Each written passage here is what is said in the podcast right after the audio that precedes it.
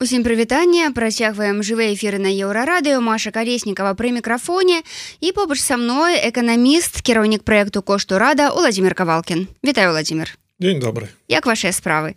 Все добра Ну гэта класна. А, давайте пачнем з гэтай учорашняй відаць такой крыху навіны про тое як Святлана ціхановская разумею что гэта не эканоміка але гэты момант вельмі хвалюе чамусьці беларусаў дала інтэрв'ю новой газеце Еўропа і а, вельмі гэта інтэрв'ю абурыла расійскіх лібералаў. Маўляў мы не імперцы Маўляў что гэта тут яшчэ одна мы не Росія і так далей. Вось як вы поставіліся да гэтай гісторыі Ну перш за ўсё Светлана ціхановская не падсправаздачная расіянам. Яна не павінна думаць пра расіян яна лідарка беларусаў. Ну а, як на меней яна заяўляе што яна лідарка беларусаў то і павінна яна клапаціцца про тое што думаюць беларусы пра яе а не што думаюць расіяне. Гэта першае. Ну а другое я не разумею чаму расіянам ёсць справы да, да таго што кажа ціхановская. Яна не іх лідарка ну не я не разумею чаго яны ў гэтае пытанне ўлазяць. Ну увогуле калі паглядзець вось сапраўды на расейцаў то мы бачым вось гэтых кепскіх расейцаў якія з аўтаматамі і танкамі едуць у Украіну. І мы бачым даволі часта вось гэтых добрых расейцаў якія насамрэч часто самі з'яўляюцца тымі самымі імперцамі але такімі ведаеце лагоднымі імперцамі то бок вось вось вы беларусы вы вы частка такога расійскага свету. Ось але адносна да вас не патрэбна прымяняць прымус а там русіфікаваць вас праз адукацыю праз культуру. То бок вы вывось частка нашага свету. І у іх светапоглядзе калі там нейкая ціхановская беларуская заяўляе нешта пра беларускае гэта іх палохае? Гэта зразумела? Вось калі у тебе такая карціна свету што вось беларусы гэта такія нейкія дзіўныя расейцы то ну так гэта можа пакрыўдзіць. Вось гэтыя дзіўныя расейцы яны не з вялікімі расейцамі. Ну вось праз гэта і бура я думаю. Але ну забудзецца і да наступнай чарговай буры Праўда? Конечно добра тады давайте перайдзем да эканомікі давайте. Про інфляцыю яна дасягнула гістарычнага мінімуму. І что гэта было тады э, мінулы раз калі быў гэты самы гістарычны мінімум з эканомікай краіны так? Э, і чаму гэта адбываецца цяпер? Калі быў прошлы гістарычны мінімум я ўжо ніхто не памятае напэўна это было 10 там 17 19 год то хутчэй за ўсё дзесьці там. Все памятаюць якраз крызісы але не калі інфляцыя была нізкая. Ну что тут сказаць? Ну закруцілі цены адміністратыўным сродкам то бок забаранілі ценам расці першае. Другое каб падтрымаць неяк тыя самыя дзяржпрадпрыемствы якія не могуць прадаваць па рынкавых ценах далі ім грошай з бюджэта. Гэта нават не мае словы гэта словы замміністра эканомікі наколькі я памятаю. Вось ну вось увесь сакрэт. Подкруцілі цены там дзе маглі подкруціць А гэта звычайна тавары беларускай вытворчасці дакінулі з бюджэта то бок з наших с вами кішэняў грошаў каб усе тыя страты якія будуць пакрыць праз вось нашыя грошы. то Ну так і зрабілі нізкую інфляцыю. А ну яшчэ кошак вось гэты папытовы зрабілі такі мы назіралі за такімі таварамі якія можна кантраляваць. Шчасце. Дык а што будзе далей? А, далей мы маем а, такі інфляцыйны навес адсоткаў 10 гэта першае то бок цены павінны расці. Далей будем глядзець что адбываецца на расійскіх рынках бо беларускі рубель як мы с вами ўжо высветлілі ён ходзіць за расійскім рублём бо Росія зараз гэта звыш за 60соткаў нашага экспорту і калі расійскі рубель падае то беларускі падае і гэта азначае інфляцыю адразу. Ось будем за гэтым назіраць. Ну і будем назіраць за тым як рэжым лукашынкі спрабуе зрабіць які-нибудь там шахер-махер с вось гэтым кошыкам пабытовым по якім яны выміраюць інфляцыю каб ведаеце на бумагі ўсё было прыгоженька Вось. Інфляцыя гэта ж такі паказчык ён насамрэч у кожнага чалавека свой. Бо ён залежыць ад вашай асабістай асабістага кошыка того што вы купляеце. Калі зрабіць кошык не ведаю сацыяльна значымых таких вось товараў то і трымаць цены на яго то інфляцыі не будзе. Але гэта не азначае что там кожная сям'я ў беларусі купляе товары з гэтага кошаку бо ну есть людзі которым гэтыя товары не падабаюцца. Ёсць людзі якім товары патрэбны больш высокай якасці. Есть людзі якія купляюць імпартныя товары то бок гэта нізкая інфляцыя гэта такая ведаеце сярэдняя тэмпература по бальніцы. то нават для сярэдніх беларусаў інфляцыя якая адчуваецца яна значна вышэй чым тая што ёсць у белстата. Ну дарэчы сёння вось роўна год калі ў беларусі вырашылі стрымліваць кошты. Ці дапамагло гэтае тады новаўвядзенне выратаваць ну можа быть эканоміку беларускую стан эканомікі беларускай толькі пагоршыўся праз гэта. Чаму? Таму што з'явіліся праблемы з фінансамі. У вытворцаў зрабілі з'явіліся праблемы з інвестыцыямі. Вось з'явіліся праблемы з тым што бізнес пакідае Беларусь.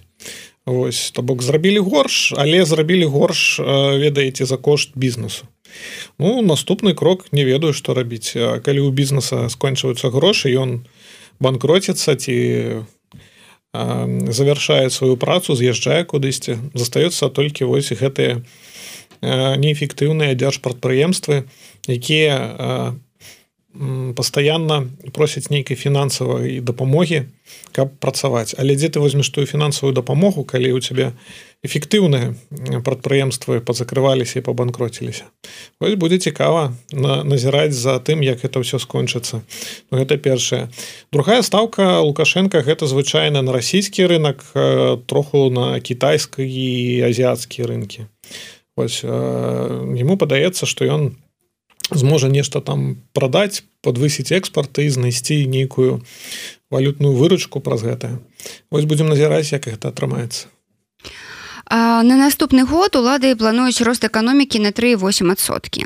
як і сёлета ў прынцыпе. Так мяркуючы па тым што прырост патрабаванняў банкаў да эканомікі павінен скласці не менш за 10соткаў то рабіць гэта будуць у тым ліку за кошт крэдытаў. Эксперты ўжо папярэджваюць што эканоміка беларуская пераграваецца. Калі сапраўды найдалей рост эканомікі будуць стрымліваць за кошт крэдытаў то чаго чакаць Ну за кошт крэдытаў так звычайна будуць разганяць за кошт інвестыцый з бюджэта.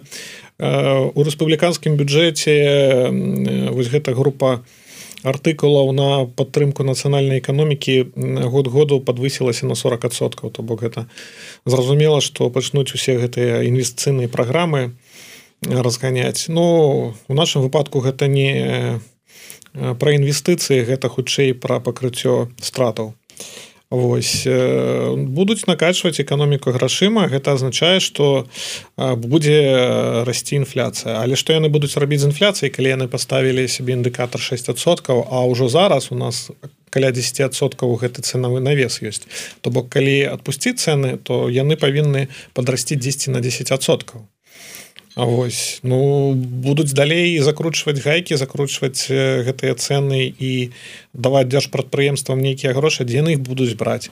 То вельмі цікавыя пытанні то бок калі паглядзець на той план по росту вуп і ту інфляцыю яны не б'юцца. То бок альбо одно альбо другое. Альбо у вас будзе вуп хутчэй расці але інфляцыя будзе з'ядаць усе доходы грамадзян. а альбо у вас будзе запавольванне росту вуп і ён будзе каля наля і міжнародныя інстытуты даюць такі паказчык что там будзе паміж 0 і один процент вось. А, вось ну і тады вы можете не экстрымліваць інфляцыю не разганяць. Але адначасова і тое тое ну гэта ведаеце такія гэта не планы гэта каб лукашенко подпісаў Вось. Ну хочаш ты Саша намалюем табе любые лічбы толькі подпішы гэты документ а потом будем будем думаць як зрабіць такую справаздачнасць каб попасть у гэтыя вось лічбы. Все Ну вось дарэчы крэдыты у беларусаў заўсёды былі папулярнымі так? І наколькі гэта нармальна калі ўлічыць што стаўкі звычайна немалыя Ну жыць у крэдыт гэта нармальная з'ява для развітай эканомікі. Бок беларус яшчэ не закрэдытаваныя так як напрыклад еўрапейцы ці амерыканцы. Але у нас вы правильно сказали что у нас стаўкі вельмі высокія. То бок одна справа браць подстаўкі еўрапейскія там еўра ці даляра другое браць беларускія рублі то ну тут спадзяванне толькі одно дэвальвацыя інфляцыя я думаю что людзі про гэта якраз і думаюць яны бачаць что ну нешта ў эканоміцы такое адбываецца что хутка крызіс.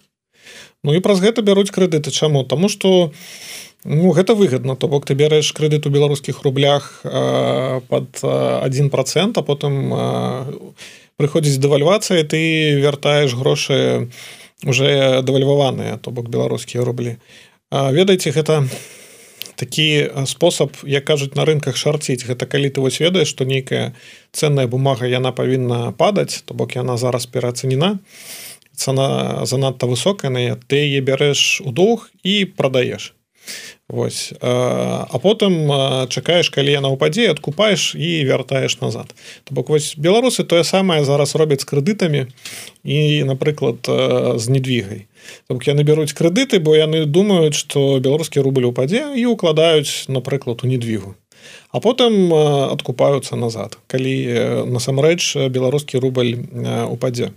Вось і гэта вельмі цікавая з'ява гэта адбываецца раз за разам і нават людзі лепей чым усякія эканамічныя аналітыкі адчуваюць ведаеце дзесьці на інтуіцыі дзесьці на слівах слухах на тым што кажуць сябры з банкаўскай сферы що там адбываецца. І вось назіраць з звычайнымі людзьмі гэта вельмі цікава. Калі беларусы пашлі ў крэдыты сталі скупаць недвігу гэта гэта такі сігнал што хутчэй за ўсё вось у грамадстве ёсць кансенсус што беларускі рубель будзе падаць трэба трэба браць крэдыты у тым што будзе падаць і укладаць тое што вечнае. То бок для беларуса вечная гэта не двіга беларускі рубель гэта тое на чым можна зрабіць владимир кавалкин эканаміст кіраўнік проекту кошту рады сённяшні наш гость задавайце пытанне і стаўце лайки гэтаму відэа каб больш людзей яго паглядзелі.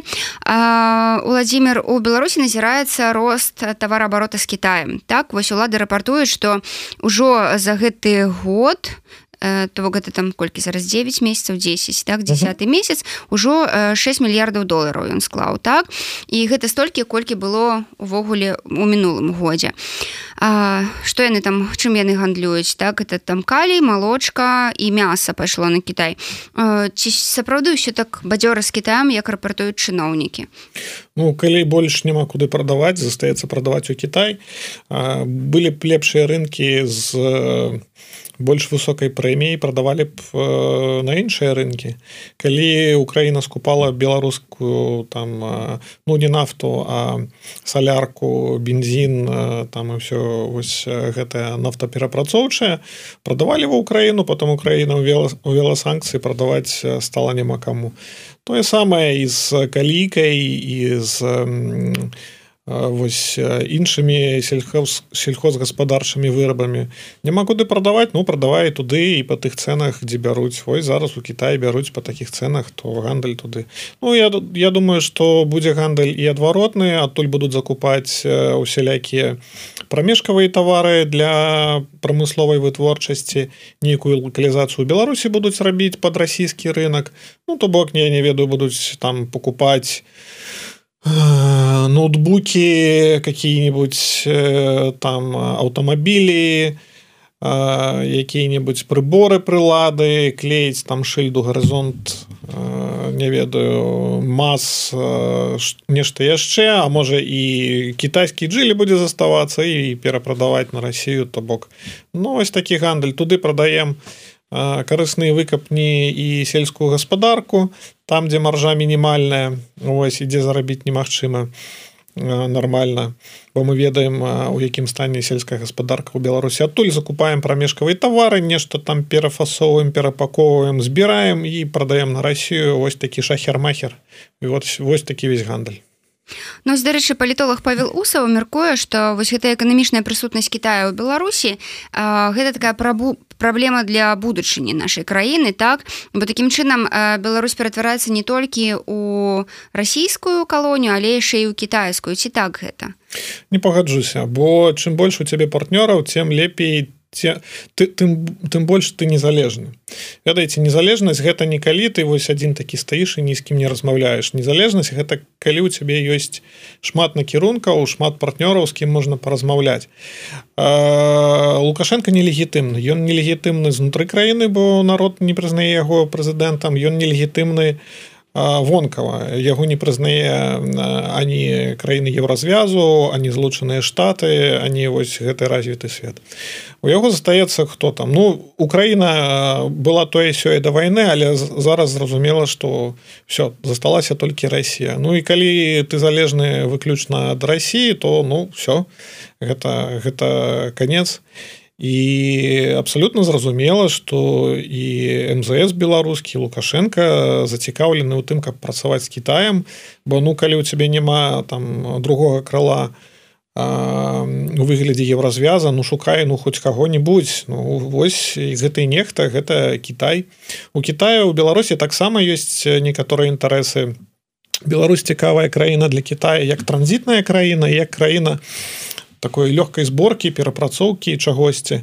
Таксама добра падыходзіць перавалачны пункт такі на шляху паміж Росіяю развязам Вось ну і тут тут знаходзяцца у рэжыма лукашэнкі і ў рэжыма камуністычнай партыі Китая ось тыя самыя кропкі вакол якіх можна будаваць стасункі.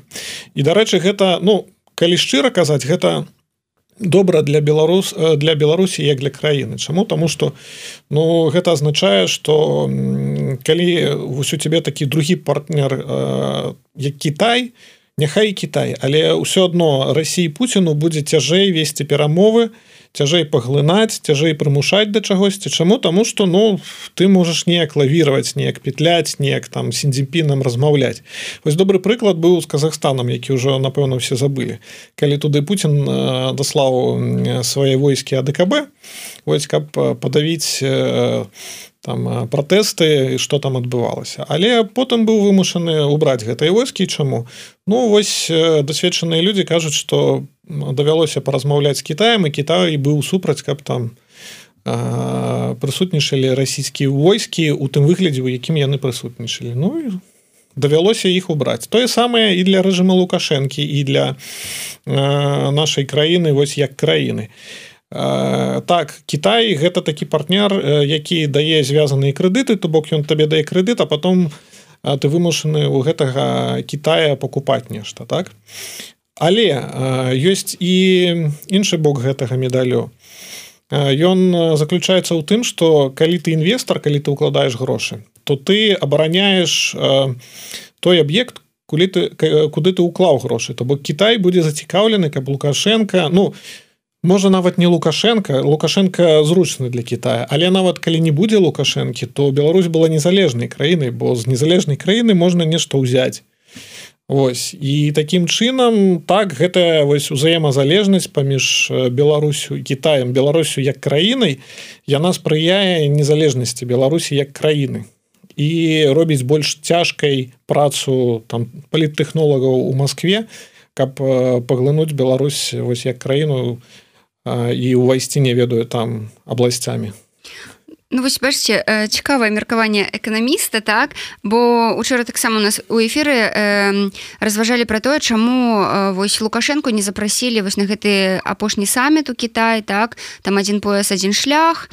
Э, і акурат гучалі такія меркаванні што маўляў Кітай разумеюць што Беларусь гэта частка рассіі вось прыехаў Путін таму там ужо магло і не быць лукашэнкі. Але відаць все ж не таму не запрасілі зразумела что не таму мы не ведаем чаму не запрасілі Вось э, але дакладна не таму а, так пойдзем далей тады. А, нядаўна так лукашенко даручыў амбасадару крутому стварыць камісію якая будзе курыраваць экспарту Росію то бок э, і так як бы з усіх прасаў мы хвалімся што ў нас з рассіяй такі класны наладжаны экспарт і гэтак далей гэтак далей так то тады навошта яшчэ патрэбная гэтая камісія? Што яна будзе там адсочваць што яна будзе рабіць? Да нічога но ведаеце для беларускіх э, савецкіх адміністратараў это звычайны падыход ёсць праблема там э, рабі міністэрства агентства складай камісію А вось яны яны лічаць што так можна вырашаць праблемы Ну то бок вось знайдуцца людзі якіх яны пасадзяць там за стол там дэлегіруюць нейкую адказнасць а потом з іх будуць пытаць. Але ну насамрэч не гэта ніяк ні на што не паўплывае бо экспартам павінен занимацца бізнес а не дзяржава Ну гэта можа быць ведаеце нейкім плюсам толькі ў тым выпадку калі калі ты пераходзіш увогуле вось да такой дзяржаўнай эканомікі. Калі ты вырашыў знішчыць прыватны бізнес там амаль што цалкам і у цябе застаюцца вось гэтыя чырвоныя дырэктары якія там умеюць э, э, зрабіць нейкую вытворчасць але не умеюць гандляваць. Ну тот у такім выпадку ты там у межах вось краіны як ты уяўляеш сабе краіну як калгас то бок табе трэба зрабіць такі э, э, дэпартамент продажу. Вось ну у такім выпадку так гэта можа спрацаваць. Такі дэпартамент продажу э, ОАО Беларусь. Вось. ну так гэта можа неяк аптымізаваць працу дзяж прадпрыемстваў але прыватны бізнес так не працуе. А калі мы ўжо ўзгадалі крутога так вось ён э, пажаліўся літаральна на днях што ўсё ж на Беларусь аказваецца вельмі сур'ёзны ціск пра санкцыі так? Але адначасова ён кажа што краіна, выжывае і паспяхова спраўляецца з гэтымі санкцыямі. Дык все ж ціск аказваецца ці краіна выжывае ці паспяхова спраўляецца вось тут такі момант. Адначасова. Нас, нас ціснуць але мы знаходзім схематоз.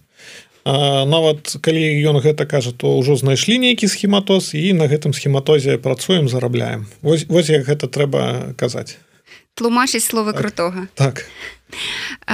Добра. Давайте вось яшчэ таксама э, тэма пра санкцыі крыху. Э, лукашенко аб'явіў наступны год годам якасці. І і менавіта як бы праз беларускія дарогі. Вядома што пра санкцыі на беларускія дарогі крыху забілі Таму што грошы выдавала на гэта Еўропа ці Еўросаюз так зараз гэтых грошай няма і гэтак далей. І вось бюджэтныя грошы пачалі на дарогі выдаткоўвацца. Ну і тыя хто жыве ў беларусі кажуць што зараз вельмі моцна рамантуюцца дарогі. Прытым там мінская кальцавая напрыклад так вось дарога на аэрапорт. І таксама ёсць меркаванне што акурат вось гэта гэтыя дарогі задзейнічаныя у перавозе перапраўцы расійскай ваеннай тэхнікі. Дык все ж что тут такое? Ці гэта для беларусаў робяць дарогі ці ўсё ж для таго каб ваенная тэхніка па іх хадзіла і там яны крыху больш жылі? Ведаеце што пад ваенную тэхніку няма сэнсу рамантаваць дарогі звычайныя дарогі аўтамабільныя падваенную тэхніку рамантуюць чыгунку. Бо больш за 90соткаў ваеннай лагістыкі гэта чыгунка. Ось. А па звычайных дарогах па-першае ідзе не шмат военной тэхнікі а по-другое нават калі яны ідзе то рамантуюць пасля таго як прайшла а не перад тым калі пойдзе а Я тут бачу іншы чыннік. Для, для рэжыма лукашэнкі вось дарогі гэта такі складнік бренду што ли. То бок ведаеце бела, беларусы гэта рускія са знакам якасці. Бок вось ну і дарогі у нас лепшыя чым там у вашай рассіі Ось. І сапраўды дарогі будаваліся апошнія напэўна лет 10 з 10 по 20 год за кошт еўрапейскіх грошаў за кошт банкаўскіх грошаў развіцця. Вось будавались гэтыя калідоры з поўначы на поўдзень з захаду на ўсход. Вось і пасля два -го года ўсе гэтыя проекты схлопнуліся. Лукашэнку і рэжыму было там тыя два гады ну не да дарог то бок трэба было душыць рэпрэсіямі нязгодных восьось трэба было там нейкія мілітарныя шоу рабіць ладзіць гэтых выклікаць старых дзядоў пузатых вось рабіць з імі гэтыя шоу тэрабароны і так далей А зараз вось бачна што ўжо супакоўся лукашенко што ўжо адчувае сябе добра адчувае што яму нічога не па не пагражае то бок можна пачаць займацца такімі звычайнымі цывільнымі справамі і дарогі будаваць дарэчы гэта вельмі выгадна для чыноўнікаў і для будаўніцтва. Чаму гэта выгадна для чыноўніка? Тому что гэта звычайна выдаткі з бюджэту.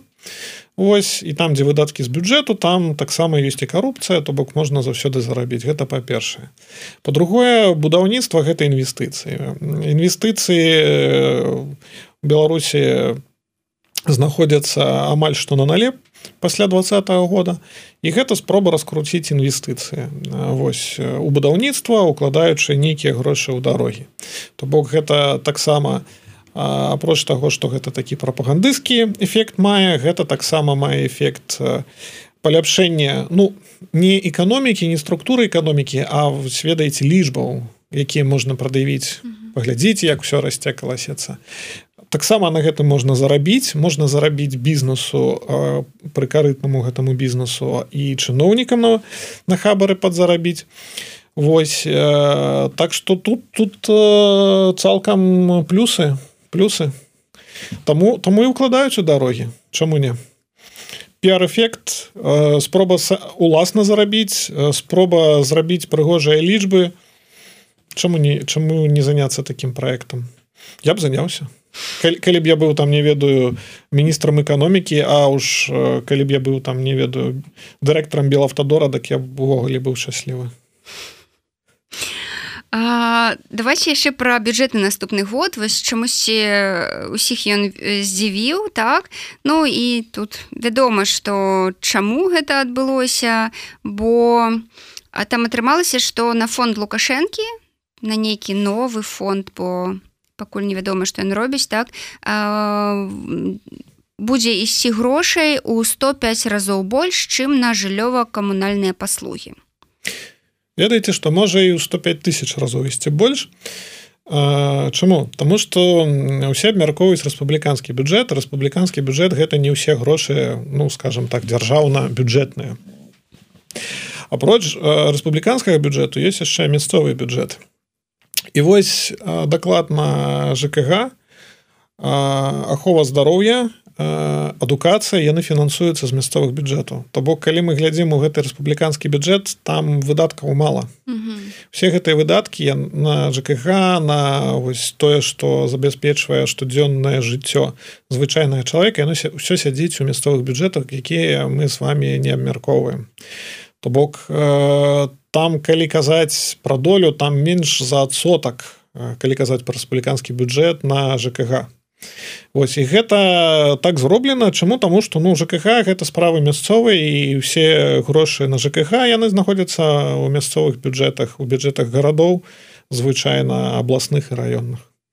Тое самае адбываецца і з адукацыяй бо самыя вялікія выдаткі на адукацыю гэта звычайна садкі школы і гэтыя учэльні усялякія так гэта нават вну такога мясцовага значэння не ўсе рэспубліканскага. Гэта ўсё фінансуецца звычайна вось з мясцовых бюджэтаў. І тое самае адбываецца з медыцынай. Усе этой райбальніцы усе паліклінікі ось уся уся вся гэтая сацыялка гэта ўсё за кошт мясцовых бюджэтаў.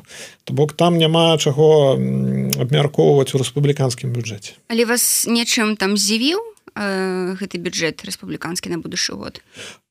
Там шмат цікавостак і па доходах і па расходах. Калі казаць пра доходы там рост аж на 20соткаў год года Вось і падчас нават запланаванага росту у 3соткі 38 вуп сабраць доходаў у бюджэт аж на 20соткаў болей. а пры інфляцыі 6соткаў Ну гэта значыць што адабраць у людзей значна больш грошай. Там подвысіліся значна акцызы.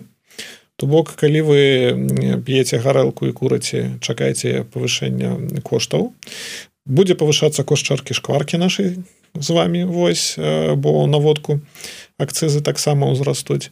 Таксама вялікае падвышэнне нас чакае по ндсе але там подвышэнне не столькі ставак сколькі колькі збіраць будуць больш то бок я так думаю что будзе менш льготаў по ндс і будуць больш калаціць бізнес каб плацілі ндс Вось что там яшчэ цікавага по налогах у рэспубліканскі бюджэт напэўна падаход не падаходны налог там вялікі а налог на прыбытак таксама. то так э, подрос то бок э, у бізнеса будуць забіраць э, шмат грошаў это вось ты падатак на, на, на багатых так? Не, на, на, на, не, не я кажу про карпаратыўны налог. Ага, ага. калі мы кажам про набагатых гэта гэта на фізліц і дарэчы вось падаходны налог на фізліц ён залічваецца ў мясцовы бюджэт.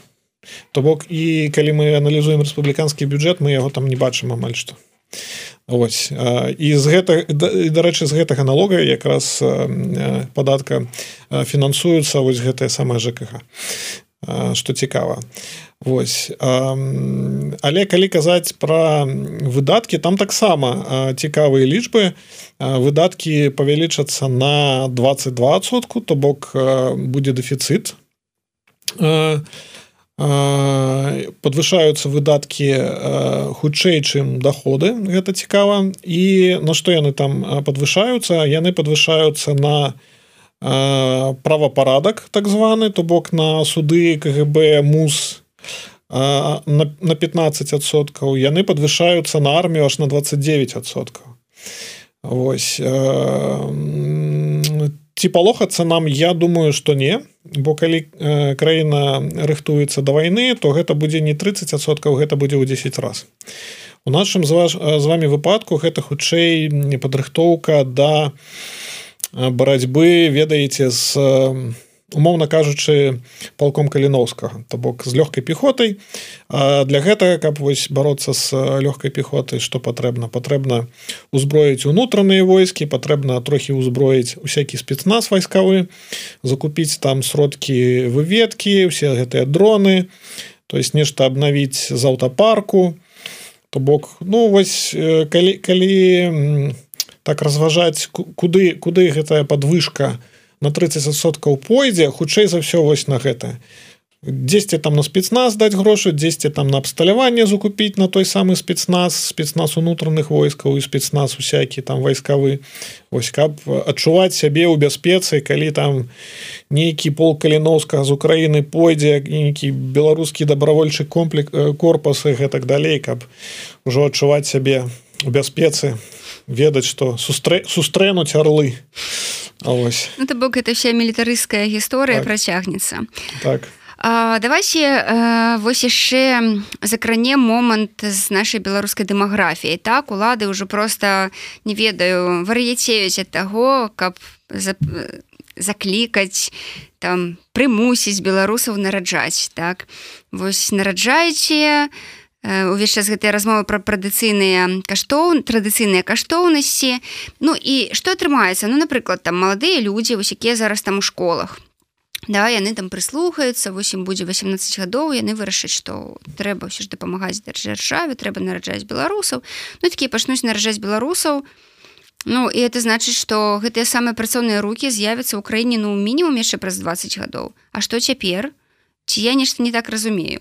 Ось як цяпер вось гэтыя дзіры закрываць якія э, з'явіліся і праз тое што дэмаграфія у нас праблемы з ёй і праз тое што беларусы з'язджаюць з краіны? Ну, людзі ніколі не нараджаюць э, дзяцей дзеля там краіны.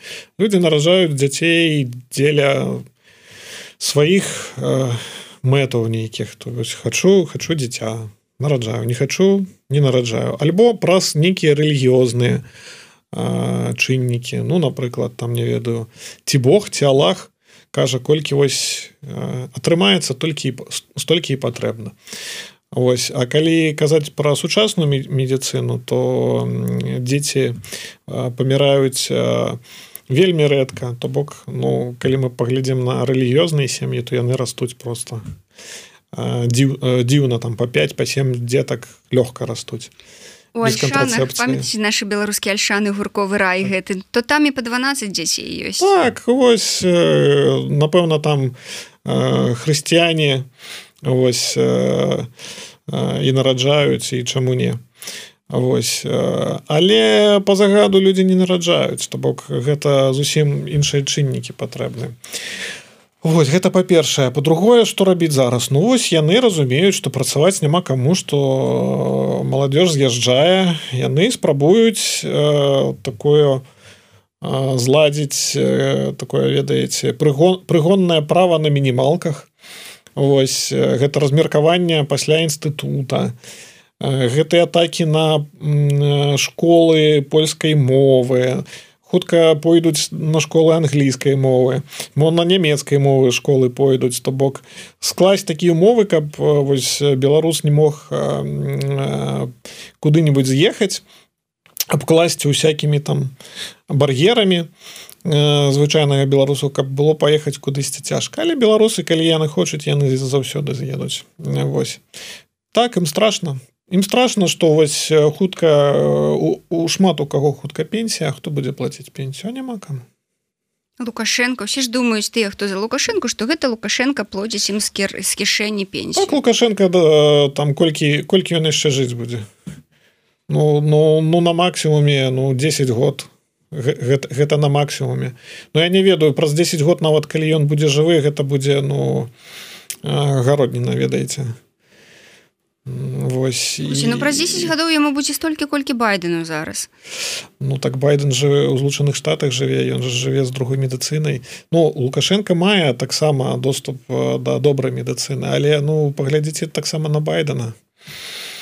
Ну так владимир добра ну глядзіце тады як бы з аднаго боку дзяржава кажа нараджаеце так а з другога боку вось нядаўна ўвялі абмежаванне на выкарыстанне сямейнага капіталу шматдзетным сем'ям і напрыклад раней на навучанне можна было зняць дэпазіт на з дэпазітнага рахунку любую суму то цяпер там розныя рэгламенты так то бок калі ты ну не, не нейкі маленькі там адсотачак можна за это ўзяць Ну і чаму вось сацыяльная арыентаваная наша дзяржава пайшла на гэты крок? Няма грошаў няма грошаў.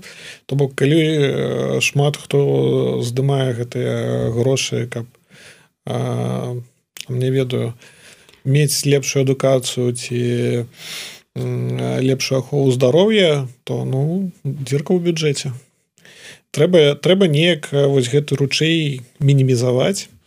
Ось і думаюць як гэта зрабіць. Робяць усялякія прапоны. Магчыма яшчэ бачыць што гэтыя грошы могуць пайсці не ведаю на курсы нейкай польскай мовы айцішнікаў яшчэ чагосьці то бок. Ну, за, за, за, за, за ўласныя грошы лукашенко думае что бюджет гэта яго ўласныя грошы. Я тут буду яшчэ займацца падрыхтоўкай будучых спецыялістаў для Польшчы германії злучаных штатаў. Не не не не ось ідзіце там не ведаю. У медыцынскі. А то і не ў медыцынскі вось ідзіце там у сельскагаспадарчую акадэмію. Круціце каровым хвасты так давайте тады яшчэ а дарэчы вот я хотела запытацца. Вось гэтая вся гісторыя что цяпер іпэшнікам якія працуюць у спартыўным сектары маю навазе там трэнеры йогі напрыклад якія там ездзілі ў індыю атрымлівалі там вучыліся на курсах адмысловых там у нейкіх індыйскіх індускіх йог так йогаў. І вось прыехалі з такой спецыяльнай адукацыі вось цяпер ім трэба атрымоўваць атрымліваць абавязкова вось гэтую адукацыю ці нейкі там сертыфікат у міністэр Божа у універсітэце фізкультуры ці інстытуце фізкультуры як там называется так. Ну то бок атрымліваецца что э, там паша аркелян некалі працаваў музыка беларускі джазмен працаваў фітнес-трэнерам у там штангі гэтай цягаў і гэтак далей. То бок калі яго няма коркі ад э, вось дзяржаўнага універсітэта тут цяпер не можа працаваць. Вось навошта гэта робіцца? Усё кантраляваць. Тое самае адбываецца ось і з гідамі з усякімі. Ну з любой вольнай прафесіі гэта атрымліваецца. Чаму? Таму что вось гэтыя вольныя прафесіі яны нараджаюць вольнадумства. То бок яны там ходзяць трэніруюць кагосьці самі зарабляюць грошы і там не, не ўва што лукашэнку і дзяржава не ставяць бо самі зарабляюць грошы і клалі яны на гэтых чыноўнікаў усіх і ўсіх там вакол гэтых чыноўнікаў і лукашэнку. То гэта трэба кантраляваць. Трэба каб людзі хадзілі на паклон подписывалі паперкі давалі хабар. Ну ніякіх вольных прафесій не павінна быць у таталітарнай дзяржаве. Все павінны хадзіць на паклон да чыноўніка да лукашэнкі узгадняць кожны чых кожны дых бо калі гэтага не будзе то вольнадумства будзе квітнець. Людзі захочуць жыць по-людску ну что это страшныя рэчы. Ну, слухайте падавалася б ужо ідзе там 20 гэты чацвёрты год выбары хутка. Ну маглі б ужо крыху тыя гайкі раскруціць яны атрымліваецца што яшчэ большых заціскаюць. Чаму? Таму што у нас адбываецца пераход ад аўтарытарнай дзяржавы да таталітарнай гэта ну вось мейнстрым зараз. То бок у нас губазік гэта ну звычайная вось такая тэрарыстычная арганізацыя такая э, палітычная паліцыя.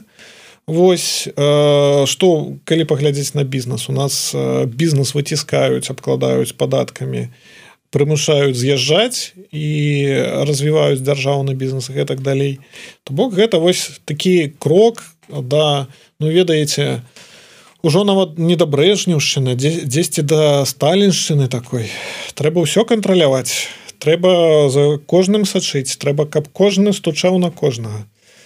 А вось ну гэта мейнстрым. Так лукашенко адчувае сябе добра і тыя хто вакол яго яны гэта робяць. Усім все добра. Там. Там. А там у А людзям звычайна будзе дрэнна бо ну что такое тоталітарная дзяржава? Гэта давядзенне чалавека да состояния быдла то бок до і да эксплуатацыі гэтага чалавека. Вось і все ну паглядзіце на паўночную караю что там адбываецца. Ну людзі там не людзі людзі там гэта нейкі скот які размаўляе. Людзі там гэта не нейкія істоты якія павінны працаваць на карысць кампарты і дыктатара. Ну, то тое самае адбываецца паволі ў Беларусі. Ну зусім неяк сумна. У нас зараз тут з вами ўсё. Давайте про тое што любяць беларусы пра курс рубля яшчэ паговорым беларускага так? А чаго яго так ну, не ведаю калбасіць у апошні час? То там было ўжо 337 здаецца а, а цяпер ужо там колькі сёння 329 і звычайна за расійскім рублём ходзіць бо зараз расійскі цэнтрабанк прыняў шэраг мер то бок прадаваць валюту экспарцёры будуць павінныя. Вось як гэта як гэта звычайна робіцца ў беларусі. Там курс расійскага рубля подрос адносна даляра еўра Ну і звычайны беларускі пайшоў з расійскім. Упадзе расійскі упадзе зноў беларускі Ну, бок нічога такога нового. Абсолютно нічога нового. Але ўсё ж э, до конца года будзе гэтыя 35 як некаторыя эканамісты прагназуюць? Вельмі залежыць ведаеце ад э, того что будзе адбывацца з расійскім рублем Вось будзе цікава паглядзець ці змогуць расіяне неяк павялічыць э, колькасць даляраў еўра ў эканоміцы бо у іх зараз праблема. Яны ж гандлююць за рупіі сваю нафта а рупіі нафиг нікому не нужны. Вось непатрэбныя. І а імпорт у іх у далярах еўра таму і курс паехаў. Вось вось калі атрымаецца нейкую такую валюту нармальную мировую загнаць украіну то курс пойдзе ўніз Ну і звычайна беларускі курс пойдзе за расійскім А калі не атрымаецца то і і 35 бачым і і да чатырох побачым але ну напэўна зараз вось расійскі рубель ён 10 больш-менш узважаны і вось яго курс на бліжэйшыя там некалькі месяцаў гэта 90 102 гэта нармальны курс калі няма ну по нейкіх таких незвычайных шокаў. Там я не ведаю нешта ўзарвалася нехта на кагосьці напаў там вайна інтэнсіфікацыя гэтак далей то бок. Ён будзе дзесьці вось у гэтым калідоры вагацца Ну і беларускі рубель будзе за расійскім рублём у гэтым жа калідоры вагацца. Ну, то бок у прынцыпе ўсё спакойна. Пакуль што так.